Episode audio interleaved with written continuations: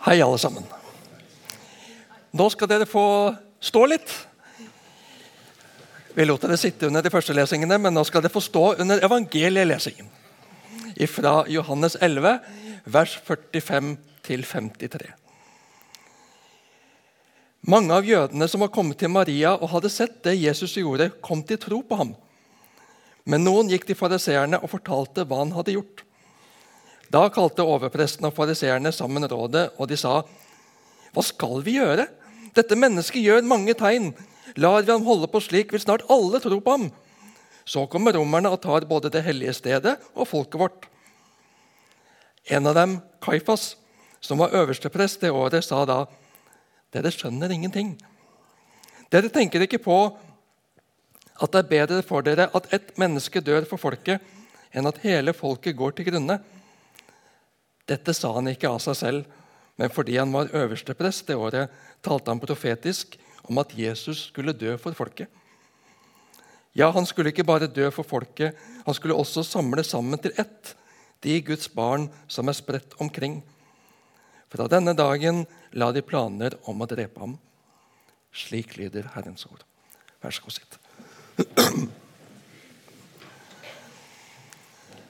Er det ikke fantastisk? Jesus gjør et mektig under, og mange kommer til tro på ham. Yes! Jesus gjorde under, Jesus gjorde tegn av omsorg for mennesker og som tegn til tro.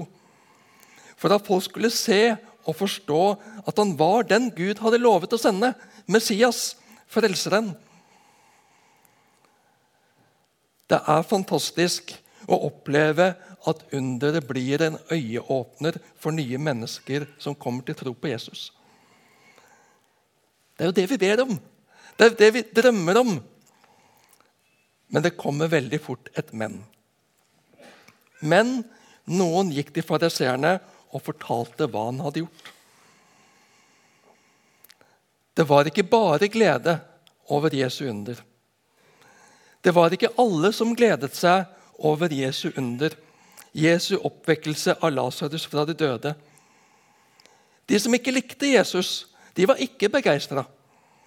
De som opplevde seg utfordret av Jesus, de var slett ikke begeistra. Det er jo nærmest tragikomisk hvordan de reagerer. Hva skal vi gjøre? Lar vi ham holde på slik, så vil snart alle tro på ham. Denne mannen er for god. Jesus lykkes for godt. Han minner til alles hjerter, og følgerskaren vokser. Det er flott for de som er med ham, men ikke for dem som er mot ham. Og Vi ser det i verden i dag også. I flere land hvor mange kommer til tro på Jesus, så snører myndighetene til grepet. De vil ikke at denne kristentroen skal bre om seg. Er de få og svake, kan en tolerere dem. Så kan man nærmest overse dem. Men når de blir mange og frimodige, så blir de en trussel og et problem. En religion som løper med myndighetene, kan være tjenlig. Men troende som står opp mot urett og løfter fram andre verdier og en sannhet myndighetene ikke vil høre, blir en trussel som må holdes nede. For de jødiske lederne på Jesu tid så er frykten at Jesus-tilhengernes Messias-agiteringer vil skape uro, som gjør at okkupasjonsmakten, romerne, igjen skal slå ned på uroen, og at de skal miste det hellige stedet, tempelet og folket. Det er i hvert fall det de sier. Her er det også et religiøst lederskap som utfordres som blir stående på siden av begivenhetene og beundringen. Det er utfordrende å være myndighetsperson og har vært den som ble sett opp til, som ble spurt om råd og lyttet til, men så å oppleve seg forbigått. Nærmest oversett. En kan fristes til å bruke maktmidler for å irettesette utfordrer, for å selv å beholde makt og myndighet. Det forteller dagens prekentekst at skjedde da, men det kan også skje i dag. I politikk og i menighet. Jesus' suksess ble både til glede og forargelse. Det kom an på hvilken side den, den enkelte valgte å stå på. Jesus skapte et skille i folket mellom de som ville tro på ham og følge ham, og de som fulgte mainstream tankegang. Hvilken side står du på? Hvilken side står jeg på? Vi skal ikke være mot utvikling på prinsipielt grunnlag. Det handler ikke om at alt var bedre før. Det handler om å si ja eller nei til Jesus. Om vi vil vende om og følge ham. Det handler ikke om min vei eller din vei, men å følge Jesus på hans vei. Jesu tegn og tale, under og myndighet vekket reaksjoner. Noen var mest opptatt av sensasjon og mirakler. De ble ikke værende når motstanden kom. What's in it for me holder ikke. Men de som så at Jesus kom med sannheten, at Jesus var veien, sannheten og livet, fulgte ham, koste hva det koste ville. De som la sitt liv i hans hender og overga seg til Jesus, og så seg avhengig av ham, hans frelse, hans liv, hans rettferdiggjørelse, de fulgte ham, koste hva det koste ville. Og det kalles vi til også i dag. Å følge Jesus, koste hva det koste vil. Jesus skapte et skille i folket. De religiøse lederne ble hans skarpeste motstandere. For de holdt på sin tolkning. De holdt på sin posisjon, sin sannhet, framfor å bøye seg ned for Jesus og ta imot. Ja, det ble bitre motstandere som ble mer og mer preget av å skulle vinne. Bekjempe Jesus med de midler som måtte trenges. Kaifas Yppersteprest på åremål, ett år for å være eksakt, syntes han var klok da han skar gjennom for å sette en stopper for Jesusbevegelsen en gang for alle. Vi leste fra vers 49. En av dem, Kaifas, som var øversteprest det året, sa da.: Dere skjønner ingenting. Dere tenker ikke på at det er bedre for dere at ett menneske dør for folket, enn at hele folket går til grunne. Uttrykket for 'tenke på' er hentet fra regnskapsspråket og har grunnbetydningen det å telle eller kalkulere. Når det her er brukt, så ligger det en kalkulerende eller beregnende undertone i ordet. Det er en politisk kalkyle Kaifas her serverer. Et politisk, hensiktsmessig regnestykke. Det er bedre at én mann dør det er bedre at vi får tatt livet av denne Jesus, enn at uroen brer om seg, og at romerne slår ned på opptøyene, og at det blir blodbad. Vi kan til og med risikere å miste tempelet. Dette handler rett og slett om skadebegrensning. Ser dere ikke det? Vi ofrer denne mannen for folkets fred og ro og trygghet. Det er det som må til. Men Johannes når han noen år etter ser tilbake og ser det nødvendig å skrive ned for ettertiden det som skjedde, ser han det i et annet lys, i Guds lys, og tilføyer dette sa han ikke av seg selv, men fordi han var øverste prest det året, talte han profetisk om at Jesus skulle dø for folket. Kaifas selv, kynisk og beregnende, men likevel uten at Kaifas selv visste det, var han, tross sitt lukkede hjerte og sine onde intensjoner, et redskap i Guds hånd og bar fram et profetisk budskap som han ikke selv forsto. Kaifas blir brukt av Gud på tross av alt i ham sjøl. Fromheten og den religiøse staffasjen hjelper ham ikke. Og uten at han omvender seg og tar imot evangeliet, så åpner han seg ikke for frelsen. Men Gud lar seg ikke stoppe av, menneskers, av menneskers onde og motstridende hensikter. Gud finner alltid en vei. Gud kan. Ingenting er umulig for Gud. Kaifas sitt forsøk på å roe ned folket ved å ta av dage en utfordrende Messias-skikkelse lyktes absolutt ikke. Men Guds vei og vilje og plan siden syndefallet i Edens hage, den ble realisert.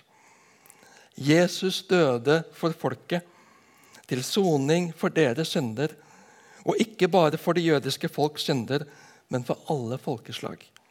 For hvert enkelt menneskes synder. Jesus stedfortredende død. Jesus vet hva han går i møte. Jesus lar det skje, for det er hans oppdrag. Det er hans kjærlighet som driver han. Jesus dør for folket for å ta på sin kropp den rettmessige straff og soning for synden, for all verdens synd. Jesus døde i ditt og mitt sted. Ypperstepresten Kaifas sin ufrivillige profeti peker på selve grunnmuren i Jesu frelsesverk. At Jesus døde stedfortredende for oss alle. I mitt sted, i ditt sted. Ser du det? Har du tatt imot det? Lever du på det? Lever du i det? Er det hva du bygger livet ditt på? Du tok imot Jesus en gang i tiden. Men er det Jesus som er den grunn du bygger på i dag? Er det hans verk du hviler i?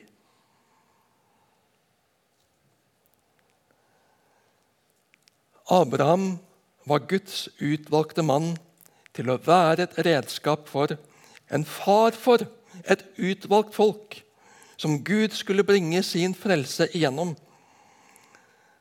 Det var ikke pga. Abrahams fortreffelighet at han ble valgt, men pga. hans tro, pga. hans tillit til Gud. I 1. Mosebok 15,6 leser vi Abraham trodde Herren, og det ble regnet ham til rettferdighet. Men noe truer Guds plass i Abrahams liv. Vi leser i Det nye testamentet om de som forlot troen fordi de hadde fått denne verden kjær. Vi hører om den rike unge mannen hvor rikdommen sto i veien for å ta imot det evige liv. For Abraham ble kjærligheten til barnet sitt Isak av en slik art at barnet ble viktigere enn Gud. Sønnen fikk kjærligheten Gud skulle hatt. Kjærligheten til barnet var av en slik art at den tok Guds plass. Det ble avgudsdyrkelse. Abraham gikk så opp i barnet som han endelig hadde fått, at barnet fikk Guds plass i Abrahams hjerte. Derfor måtte Gud sette Abraham på prøve for å vekke ham. Han måtte synliggjøre for Abraham det som tok Guds plass. Menneskets frelse hvilte på det som skulle skje i Abrahams ett, ja, gjennom hans sønn Isak. Guds løfte var knyttet til det som skulle skje gjennom Isak. Likevel Abraham ble satt på prøve om han lot Gud ha førsteplassen i livet hans, om Gud virkelig fikk være Gud for Abraham. Så blir det et påtrengende spørsmål for oss. Er det Gud som har førsteplassen i ditt og mitt liv? Er det noe eller noen vi må legge på Guds alter for at Gud skal få være vår Gud? Jeg hadde i mange år et anstrengt forhold til denne historia om Abraham som uh, fikk beskjed om å ofre Isak. Hvordan kunne Gud be ham om noe slikt? Gud, du må ikke prøve meg på den måten! Men da jeg fikk se denne bibelhistorien fra denne vinklingen, som vi nå har sett, da skjønte jeg det. Da falt det på plass. Du har forlatt din første kjærlighet. Abraham var i menneskers øyne den samme, men i hjertet hadde en annen tatt førersetet. Venn om! Så er Abraham og Isak også et sterkt bilde på hva Gud har ofret for oss. For så høyt har Gud elsket verden at han ga sin sønn, den enbårne, for at hver den som tror på han, ikke skal gå fortapt, men ha evig liv. Jesus døde i ditt sted. Jesus har sonet alle dine synder. Lever du i ham? Lever du i hans nåde? Lever du i hans tilgivelse? Eller har noe annet fått ta hans plass i ditt liv? Har kjærligheten til barn og barnebarn tatt Jesu plass i ditt hjerte og blitt en avgud for deg? Den forferdelige skjebne fortjener verken barna eller barnebarna. Den kan bli bindende. Den kan bli avhengighetsskapende og begrensende. Din kjærlighet til dem er sunn og sann når Gud får være Gud i våre liv. Og ditt og mitt liv er sunt og sant når verken makt eller posisjon, eiendom eller menneskelige relasjoner får skygge for hvem Jesus er, og hans plass i våre liv. Alt for Jesu fot jeg legger, alt hva her jeg kaller mitt. Jeg vil elske, jeg vil tro ham, følge ham for hvert et skritt. La oss synge det sammen. La oss be det sammen.